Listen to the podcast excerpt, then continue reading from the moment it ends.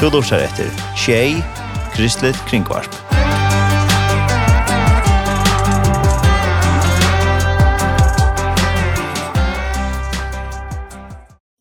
Velkommen til morgensendingene her av Tjei.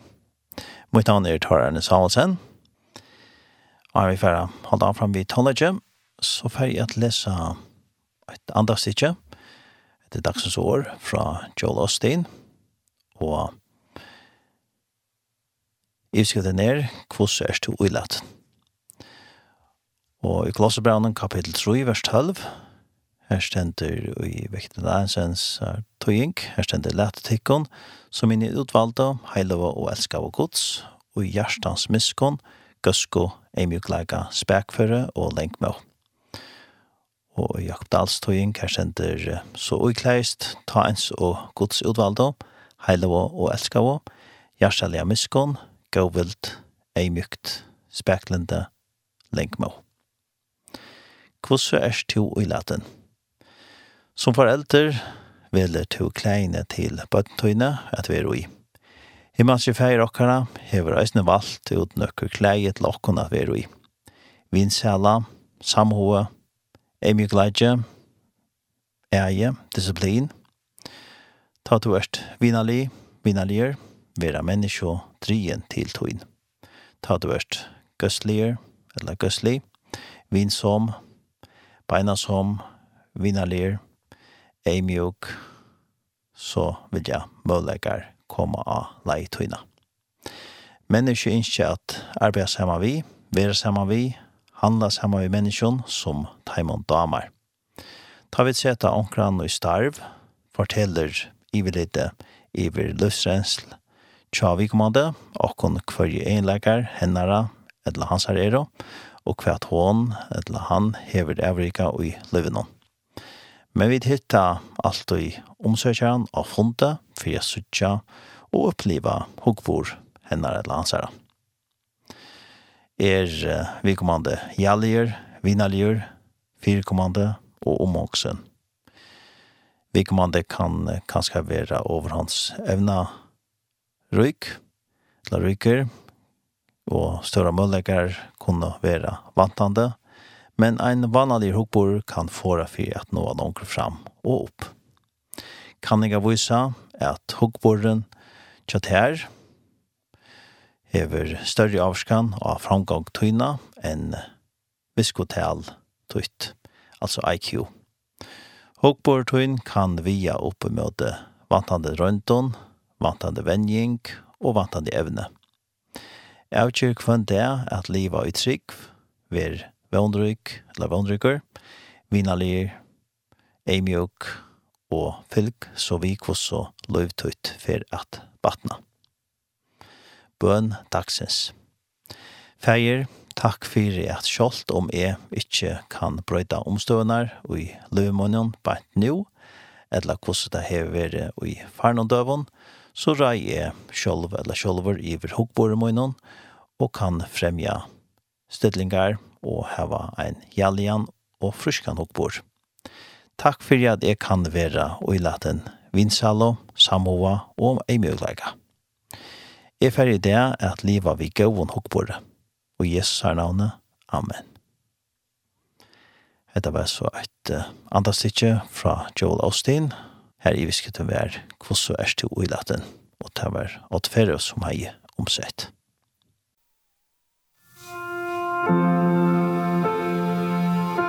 Hetta er Tjei, Kristelig Kringvarp.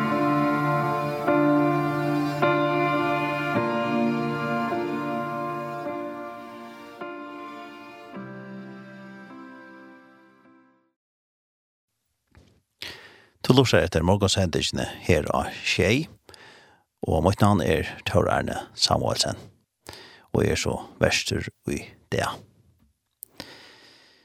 Om man hadde tatt det, så får jeg høre høyre sindre om Christmas Child til det og er det, så får jeg det at uh, lurer etter en sanje, men jeg kan ikke nevne til at uh, av hjemmesynene tja christmaschild.fo.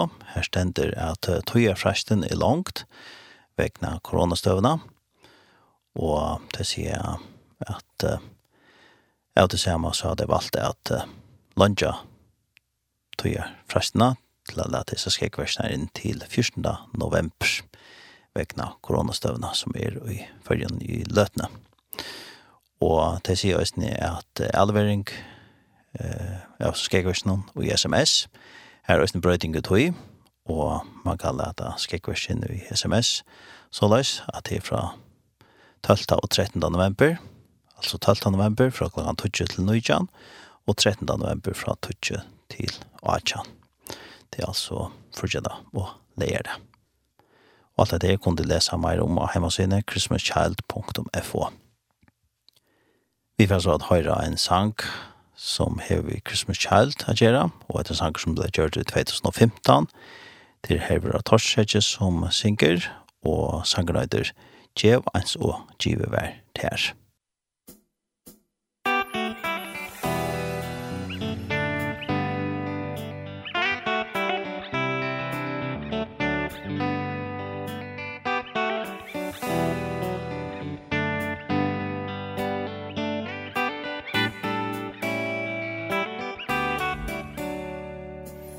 der og her. Gleie taper Til ångran som lengt bostor er. Og lydel gava At rettsiltje band Skal sendas til et anna land. Heldan gavan som tu djevor Om fer til løgn og løyde hevor. Tu kan sprøyda et løyv i dag. Gjera okra lui betre lä Og så lui det som det kräver Att et baden vi smule svevor Takk fyrir det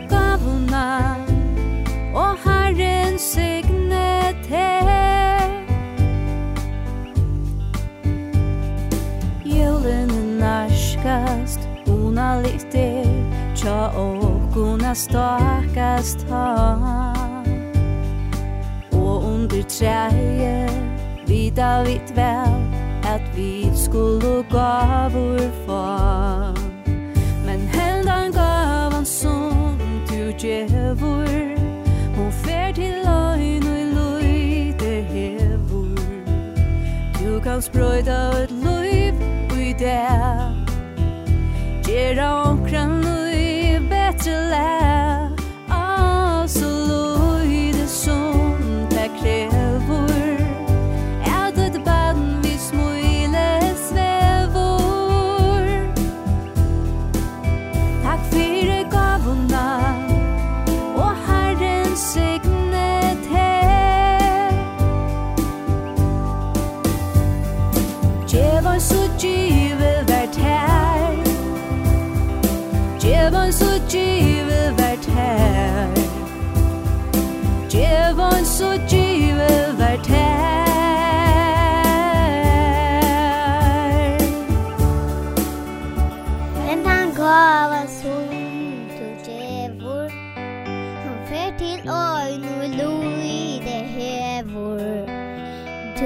Brøyda et loiv ui dea Gjerra onkra nui betre le Ah, så loi det som Det krever Evnet baden vi smui.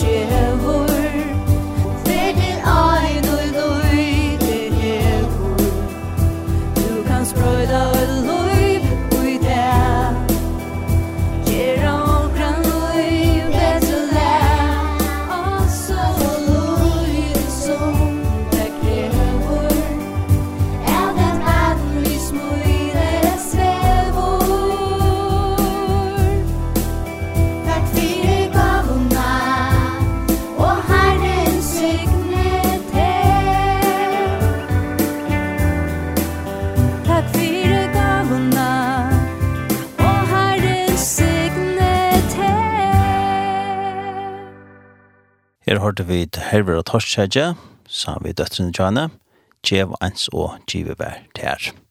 Det var sanger som var tisen opp i samband med Christmas Child og i 2015. Nå får vi da høre sin om Christmas Child og Luften og i Høyvøk. De har gjort et online-møte i vikskiften og ja, vi får lortsett tøy og annars kan man færre hjemme syna luften.fo og sutja etter online møte, og man kan nesten fære Facebook, så innan kjatt heimann, samkomma, løvden og sutja til. Og det er Sønnøve Arena som greier fra, og så er det Beinta Årger som forteller henne søve, og så til senest så er det Esther Johansen som synger en sang i samband vi Christmas Child, og det er Karl Johansen som spiller klaver, og sangeren heter to Hever give. Så først får jeg da høyre sønner rena greia fra. Musikk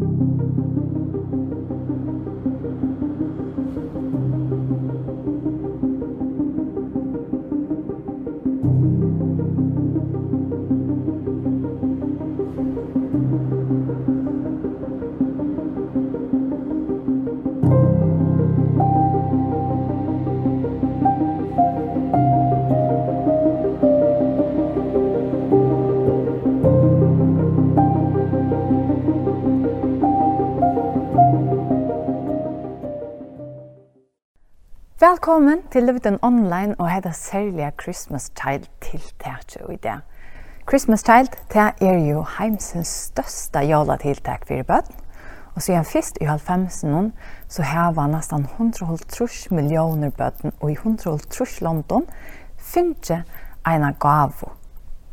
Og det ganger så for seg at man pakker en gave og i en eske, og gjerne en skekveise, Man kan ha pent inn, hva er spennende ting ui, Og så ver gavan sendt til bøten som kanskje onka er gave få eh, fær til år. Og i førjen så byrja vi en 300 trus ersjon i 3,5. Og nå, de sørste årene, så, he, så har vi sendt middelen 4 og 5 tusen skrekva esjer ut og heim. Det er ordentlig godt, og det er så eh, godt at kunne djeva og vite at dette var vel mot ikke.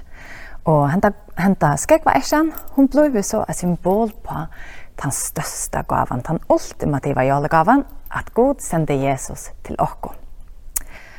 Og så er det til at det er nekva av okkon som helter ordla hyggeligt at pakka sånne gaver, vi kan skal börja langt i januar til utsølen hoksa kvært skal eg køyre i æsna i oktober måned.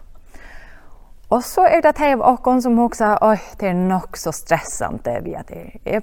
Jeg kjøper langt inn sånn jeg var gaver at, hå, skal jeg færre holdt vi en Christmas tale gave. Men veist du hva? Du kan eisne djeva en gave utan struje vi er teipa og pakka. Fylk bare vi nå. Først er senda vi skekva esjer i millionatel fotler er gavon til bøten og iver hundra London rundt om i heimen. For å vise dem at god elskar deg og å bere dem en stor gleibo. Men kvært om to ikkje hever tog affærer til begavor og pakka en esjo? Nå er det lattare nærkran tog avur å pakka en skekva esjo i fyra løtton stion. Fyrsta sti, fær inn av shoeboxonline.org.uk. Anna stig, vel kvønn to atlar a pakka ein esjo til. Tria stig, vel kvørja leikur skullu ui esjona. Fjóra stig, ger esjona personliga, legg eina mynd av tær sjálvum vi og rinda fyrir gavuna. Så vera bæri leikur og gavur sendar fyrir til. Takk fyrir! at du vil standa saman vi okkon og hesson arbeidon. Vi vana at gjøgnon okkar arbeid for bøten a skilja kvosse høgt god elska teg. Byrja av shoeboxonline.org.uk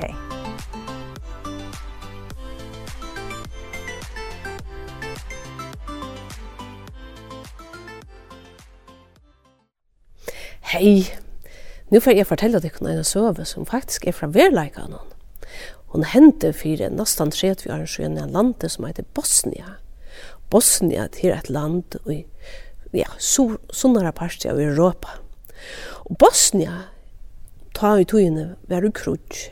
Her var krutsk innan landa, og her var bomber, og her var raketter, og her var tanks, og her var det var ikke godt å bygge her. Men i hese land nå, her bor jo en jenta som heter Leila.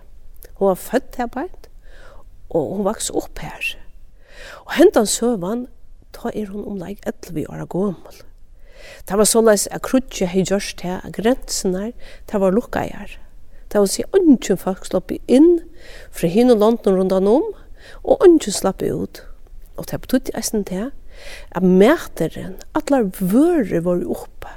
Så er det man får til handels, at kjeipa, Så er som hvis vi færre om man i Miglag her, eller Bonus, eller langstans av Kjeipa, så var det ikke å hittle noen etter.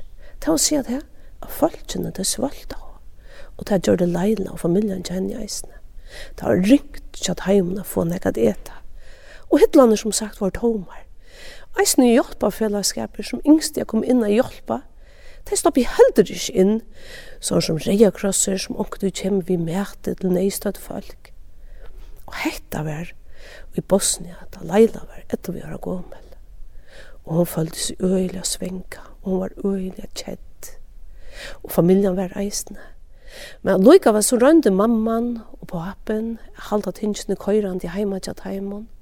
De finka sinter at eta vik først. Og de rønde eisne for bøttene tjass her i skola, Loika og kvønte. Hendan dagen, Leila sier, hva skal mamma, jeg vil ikke skola. Mamma sier, jo, du måst. Man fer alltid i skola. Ja, men jeg vil ikke, sier hun. Jeg klarer ikke, kan ikke. Jo, sier mamma. Ja, men du ser skekkvann i trammer. Det er fotler i hålen. Ja, jeg veit. Og pappa hever prøva gjøre der standater. Hikk, öll hålene. Mamma sier, jo, du er først i skola. Da jeg sier at du skal til skola, så først du i skola. Leila, var ikke glad. Papen hei prøva flere ferner, at lukka som en lappa der, og, og han, han hei heller en gang tråd, så han brukte bare sånn jatten tråd av omkron slæ, og tatt at sunder etter, og skikk han var faktisk bare hål. Og det var ikke stort litt. Og Leila, hun får uskikk vannar, bansar lysnar, og så får hun ut, ut ur husen og tjatt heimann. Og medan hon tjekk, hon var tjett, hon var ytl, og hon hugg seg, nei, jeg vet ikke om det er nekran til ferdig heimater.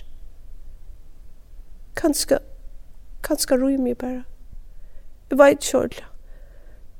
Og så tjekk hon, hon følte seg ytla, hon følte seg tjettan, hon følte seg svenka, hon var bensjen, hon følte seg fatakkan så var hon så sart. Og så hugsa hon om at hine falsken som eisen er sart. Faktisk, så visste hon eisen om flere som var deg til det var krutsk. Så hon følte bare loivig av ånka meining meir. Men da hun så kommer fram til skolan, hon er gynnsk orla lunch, hon er gynnsk med nesten en tøyma. Nå ser hun av flokkuren til seg, det er slett ikke inne ta åtte det jeg være. Som for ivet til deg sier, hva er standa tid her? Jo, det her er anker sånn som kommer vi, vi nøkron, ja, sånn skekva jo. Fær inn, så først jo ein eisne. Skekva erstjon? Hva skal jeg bruke denne skekva til? Jeg har jo ikke køyre ui skekva. Og så er det med her inne som var kommet ved skekva og så ser at hun er kommet. Han sier, kom inn, kom inn. Leila visste ikke om hun skulle fære inn. Men hun fyrer så allikevel. Hun stender ordentlig bare frem vi, vi, vi vetsjen og hikker etter skekkversen.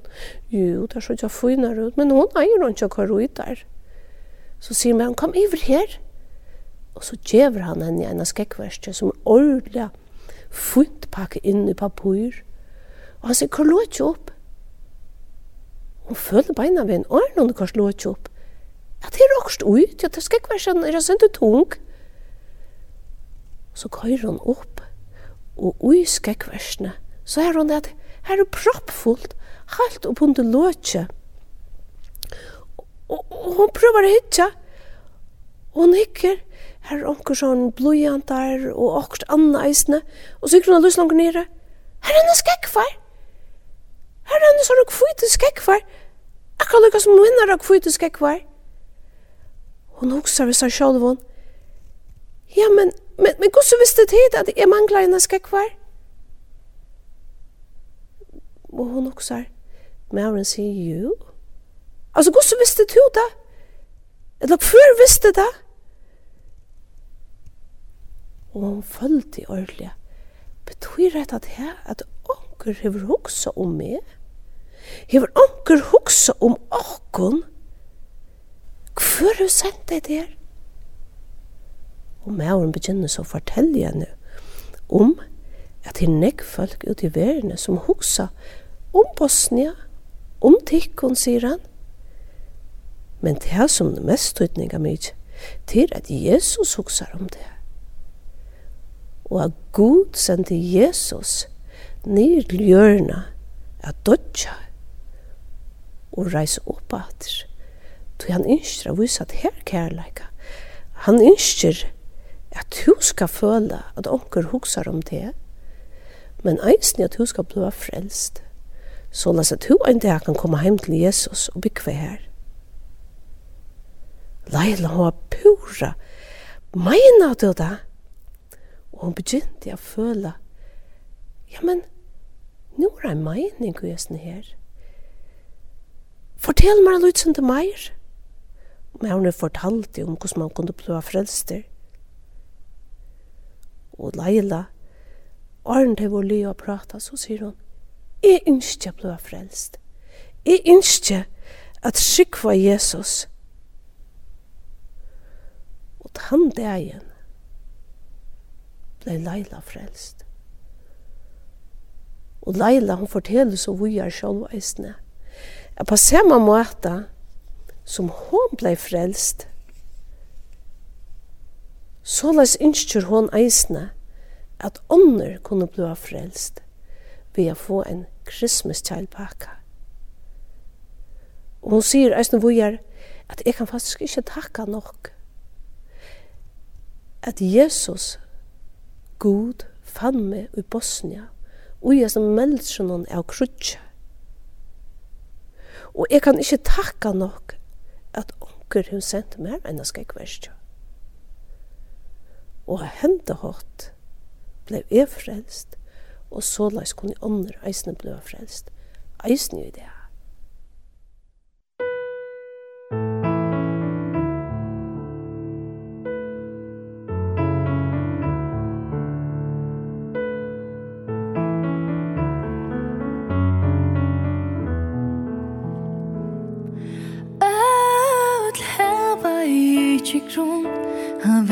fru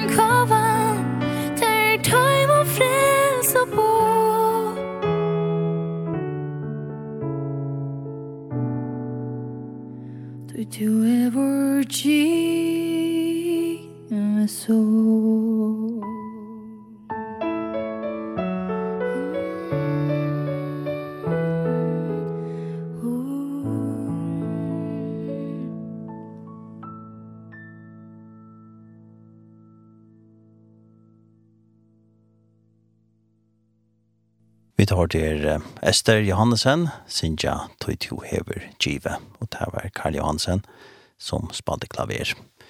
Vi har hørt et online-møte som Løvden i Høyvuk, Evra Heimensynet Kjataimon, løvden.fo, og kan også suttjast inn i Facebook-synet Kjataimon. Vi tar til Synnøve Arena greia fra, og så har vi hørt Bante Åger, jeg var Avana Søve, og det var om en agente som eisne opplevde Christmas Child, og det var en hending som hendte for 30 år siden og i Bosnia. Christmas Child tiltaket til skulle være livet nå etter vikskiftet, men uh, Science of Fresh, det er lett at skrekkvers inn er langt til 14. november. Og til kunne ferien av hjemmesiden christmaschild.fo, her finner de flere opplysninger om tiltaket.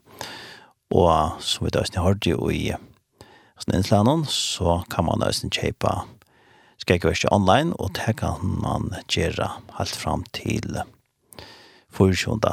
desember for et år. Så det er god mulighet til at uh, lærerne skrekkeverset inn til Christmas Child, hvis man ikke har haft mulighet at uh, eh given ska gå share la fyllt henne ska gå share han in så kan man så färna christmaschild.fo och under det som heter Shape online och här kostar eh kvar ästja 20 pund och ta stolar man så ösne eh, vi kunnigar tillfärre och frakt vi 5 pund och i förskon kronor är det omlai 220 kronor. Og jag ser bare hese eskina vil jeg så kjøpt her i Christmas Child og i Ångland. Og heima sinne den eisne at man skal minnes til at her var knytt så et kjaldskors til 3D Secure for å kunne gjalda det som skal gjaldast. Og dette kan man gjøre ved å sette det i samband med sin penigastånd. Og som sagt så ber det til at kjøpene skal gå ikke online fram til jølaftan 24. desember 4. år.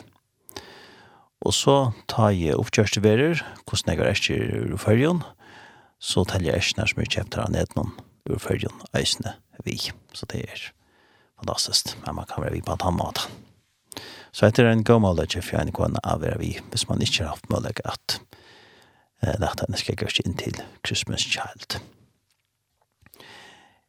Jeg hadde vi forholdt dere til Christmas Child, og nå løte jeg og vi får høre et forsandsjatsrett i samband med Christmas Child, og det er eh, Sanchez gjørt i samband med det, det er Matthew West og Amy Grant som har vært sang Sank, eller Sundjan Saman, og sangen heter Give This Christmas Away.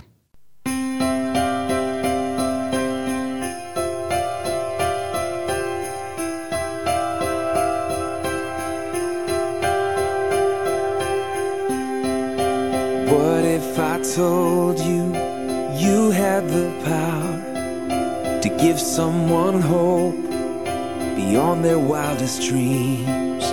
What if i told you it's right there in your hands in your hands? It's hard to imagine how something so small can make all the difference. Tear down the tallest wall. What if december looked different?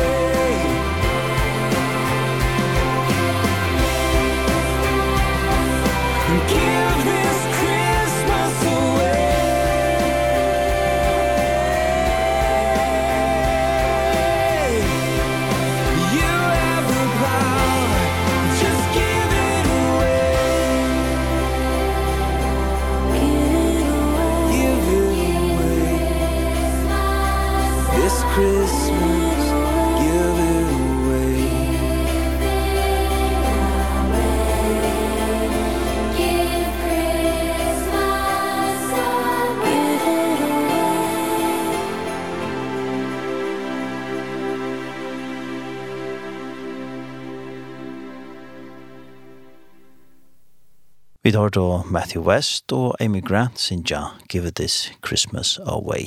Det er sanger som vi gjør det i samband vi Christmas Child. Og vi får høre en en sang i samband vi Christmas Child til tiltaket. Og til er Melissa Bester som synger Love in a Box. Love in a Box.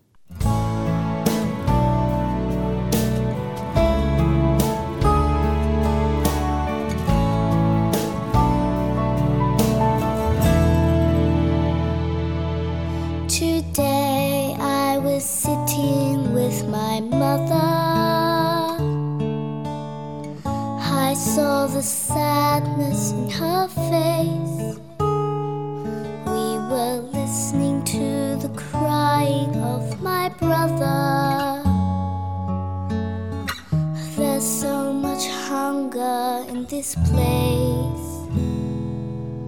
But then I saw a truck on the horizon It was coming to my village I could see. It was filled with many colored Christmas boxes the smiling man said this one's just for me. You put your love in my box so that the whole world can see that someone cares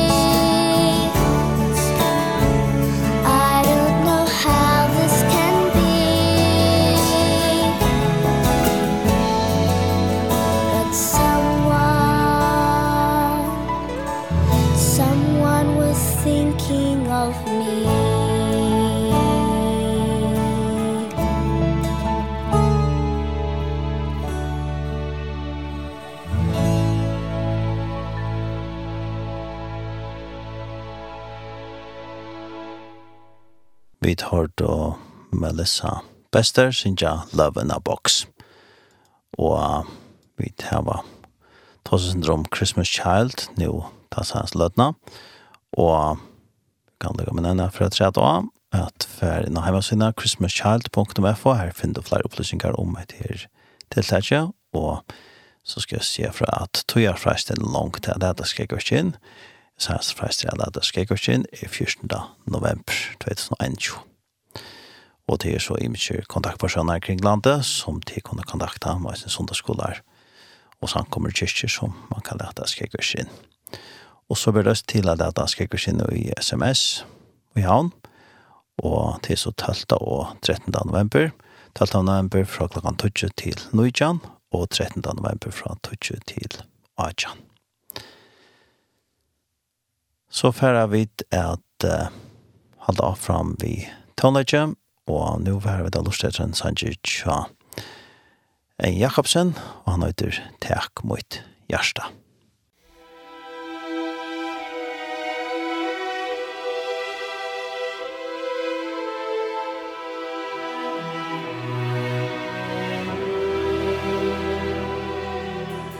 Takk mot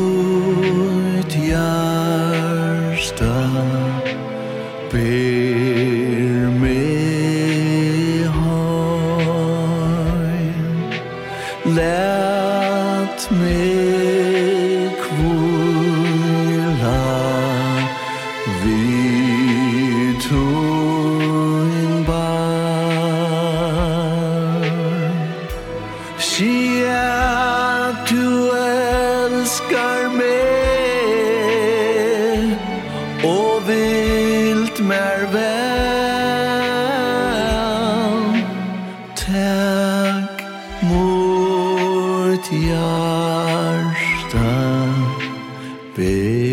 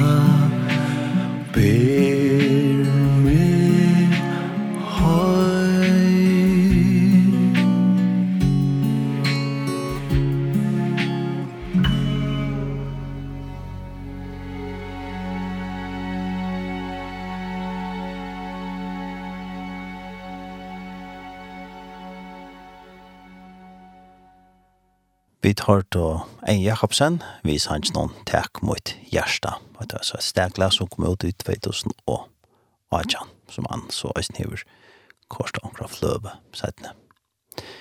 Nå får jeg at lese en, et stikje inn i heimasinne troboin.fo. Her er det nekko avhørst å lese. til for en heimasinne troboin.fo. Her er det en blogger som Jutta Gunnar Støtte Reinsla hever skriva. Og og her i beskriften er hever du ikke godt at sia, så er betre at tia. Og blokker er et personlig kjønami, tja tøy som hever skriva. Og i okkara framkomna samfunnet leser vi de fleste tøyende av netten. Okkur hissene ble kjemur i postmåna, men det mesta vil lise av en skudja. Det er deilig kjøtt og latt at lesa nødjast og tøyendene tannvegen og det er somleis kjøtt at få hesar fesk og søvnar ut til følge. Som hun damer best er at høyre at høyende i udarspenon og ånder i sjarpnon. Men jeg lesa hesar i mosk og børstallene. Ta du høyrer eller sørst tøyende av milen, kan du bare sida og gjøre tøyne ekno tankar om det du høyrer. Eller du kan prate om det vi teg, du er sammen vi men ta du leser av portalen ber vi alt at gjøre vimerskinger på en veien til greinene. Vi kvørst er hun ekvar vimerskinger til sommargreinar, Det blir en, som en lang søve at se at lesa alle vimerskingene. Vi ikke at hos om det kjært jo ofta stenst av sommon tøynda greinen. Til tøyer fer kjært i middelen vimerskingene, og vi fylltja hos om tøyndom, purast det av spårene. Det er just personligt, her man legger etter omkring personer, og i greinen vær om. En dag byrja teg at hos han ira kvann annan, inni av sama forumet. Bare tog man ikkje samtur. At enda hever kjerkja uh, snett sånn for at ja, ikke hever vi opprona inni all det gjerra. Og alt suttje etter kjerkja som vilja. Hvert uh, stender så etter folk vi har utspilt kvann annan, og sarst ånder vi ødlån synon nysetande åren. Det er særklige gjørst og særkligt, og fornyer av et sere lagt støy. I sommerføren er folk beinleis barnslig, og Verlegan hava de mest av at lån stilla seg sjolvan og i et sera vannet et ljøs vi sunne framfyr. Og munn hatt er hetta fyrst og fremst pura og nøyot. Men jeg halte heldur ikkje til at det har nærkastans heima, at vakse folk ber seg så leis at. Det er tider som hetta er et vaksande rak, sera og domlet. Til tøyer er det eisen vimersingar gjørdar til onkur tøyende, og i kanskje er det meira døper og kjeili. ta koma til tøyer målsligar vimersingar, etla vimersingar om okkurst pura bort vi som alls ikkje er vikmande i hesson førn. Hvor er det nøyot? Hvor skal man i høver gjøre vimerskar til tøyende, som er syrgelig og hava rakt menneske og personlige. Om man absolutt skal komme av en vimersing, så lett helder være akkurst ukande. Hinvein skilje ikkje hvor man ikkje leser onkrar tøyndastoppar fire vimersingon. Altså at portaleren – syrger fyrir at det ikkje er mulig at vi mørkja. Nekva av hesson tjertjenon er så nye brådnande å lesa, og ikkje minst fyrt han som tar gonger og diver.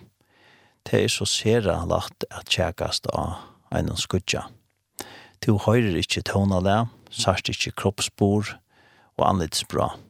Det vil si her er ungen mølløyge at lese av hoa leie av personen som du tjekast vi det blir nok eisende til at være ein annar, at heva dolnevne og lyknande.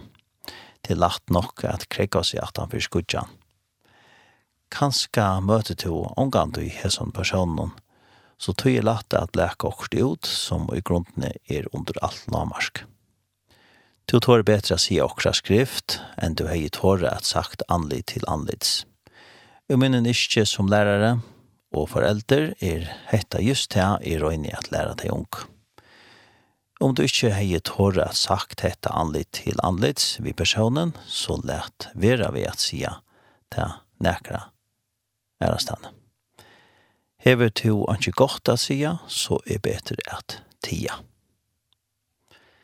Hetta var så et uh, stikje som Jutta Gunnarstøtt Reinsla, heiskriva, hetta var som blogger, bloggeren er så et personligt kjønnermitt av de som hever skriva. Og i skriften vi er hever to anki godt at sia, så er betre at tia. Og da ser jeg avhørte tankar som hon kommer vi om at hok som hva det er da, som vi gjør vi merskar til og i de daglige beia skrift og eisne ta vi uh, høyra i mist. Og alt det kan du lesa meira om en hjemmesinne troboen.fo. Så færa vi til vi er vi tonleisjonen, og nå får vi da lort etter en sanje av en fløytja salt, og det er bare lærkene, og Karolina Høygård som synger. Og til fløyene Try Again, og sangen etter Er Jesus nær.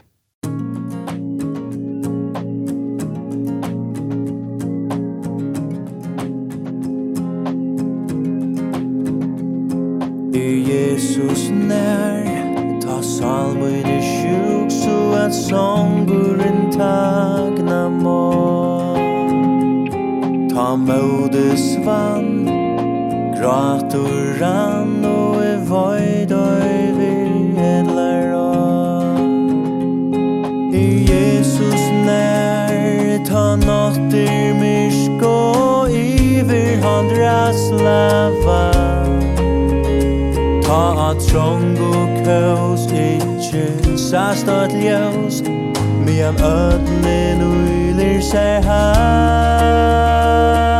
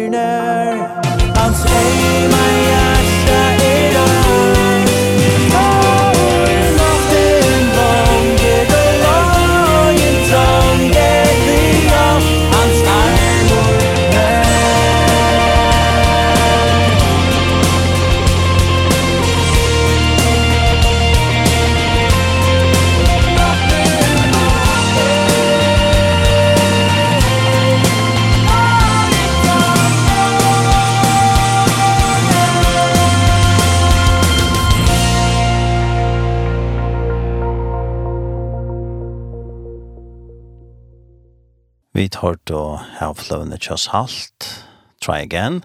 Det var bara Lætsne og Karline Høygård som sunka, er Jesus nær. Nå i november måned så skulle stormøtene til hjemmefjønene være i utrøttene av skala, men det er også avgjørst at utsette møtene. Og inni av hjemmefjønene troboin.fo her er det så et, her kan man så gjøre et videobrott, her Andreas Magnussen er skrivere, og kjærmkjønne hever en fra banen, så det er ferdig lort etter nå. Åkt av hattarpunkten i Arnon er utan iva størmøtene til kyrkelig høymkjønne, ta i ødel rørsland kjemur sammen. Og i år var størmøtene sett til å være i høtlene av skala 5. til 20. november. Nu støvan er så løs som hun er vi korona, har vi vært i samskiftet vi halsemyndelagene, og avgjere tidsen om at utsøtta størmøtene. Størmøtene vil at hui kjenta til 19. januar og i høtlene av skala. Til størmøtene blir alltid å være et størst bøgabår, her som man kan kjøpe nekvar gauar bøker. Vi har kjøpt bøker heim ur Danmark, som passar vel til evne, til iveskriftene som var sett for størmøtene i år, som er hver finne fri. Og øyne av hesson bøkken er hendan tja Max Lucato. Hesa bøkene og negvar æra bøker kanst du langt nu fer inn av manna.fo a kjeipa til dømes og jævlagavu. Så jeg gleder meg til å suttjast vid suttjast aktor og i høtlen av skala, kjenta til 19. januar. God signetikk. Vi tar då Andreas Magnussen, som er skriver til Kirsli Heime og Sjønne. Her var en fra på han, og hun kan så just inn ja heimasynet troboin.fo. Så kjenta til nødgjenda Jan Barber så størmøter tja Kirsli Heime og Sjønne. Og vi halte vi ferdig at Høyrens Hank, som er fra størmøtene tja og Sjønne i 2018, og vi da en opptøk her, og ja, da vi får spille två sanger fra ta møtene, og til er sangren og i jar i det, i alle tøy, i samme Jesus er, og så er det større herre min er.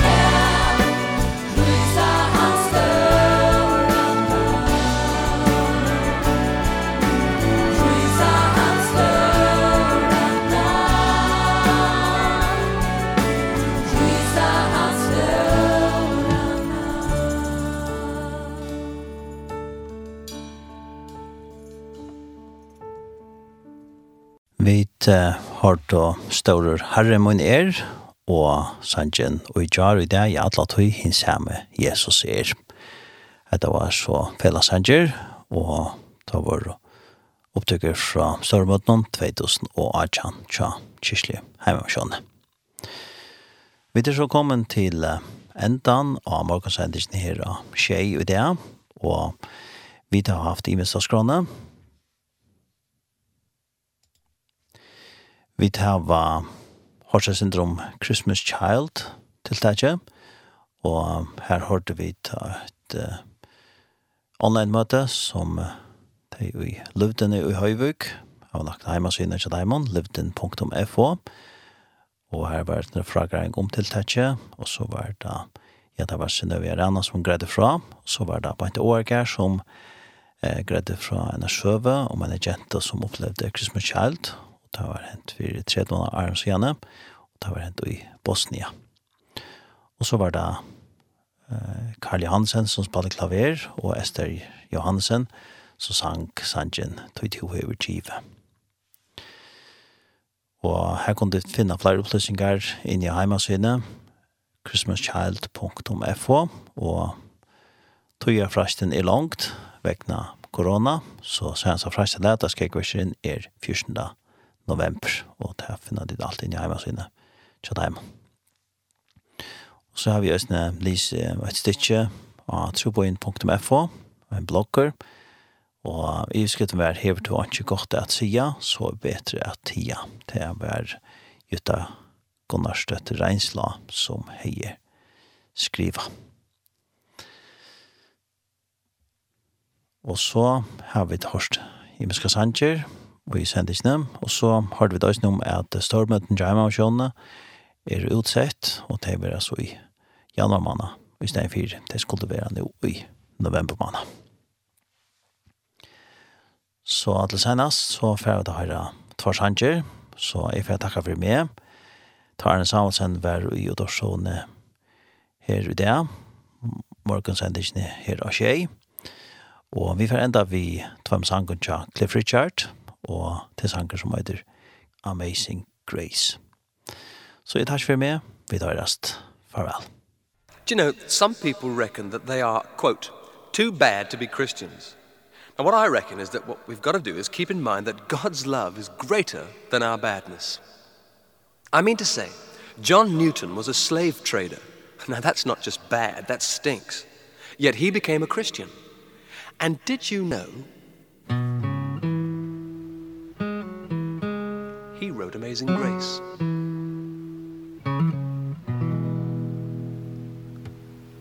Amazing grace, how sweet the sound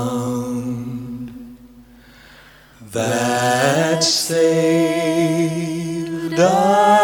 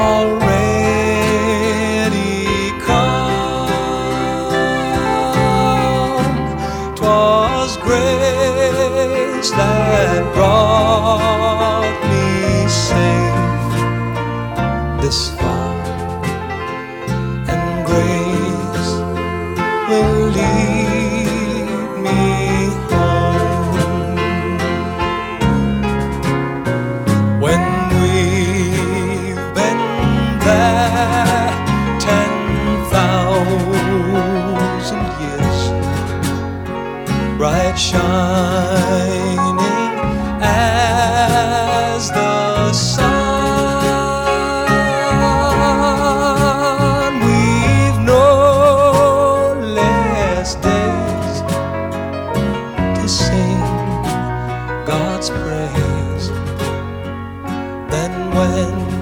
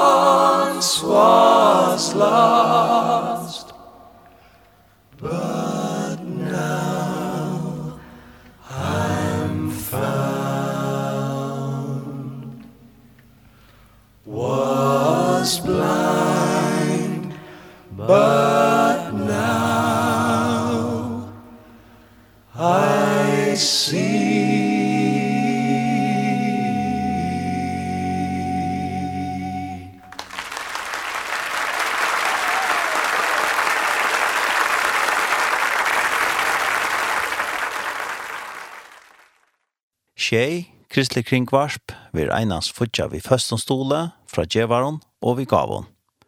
Innskje du har hjelp okkon at nå akkara folk, vi gleder i baskapen om Jesus Kristus.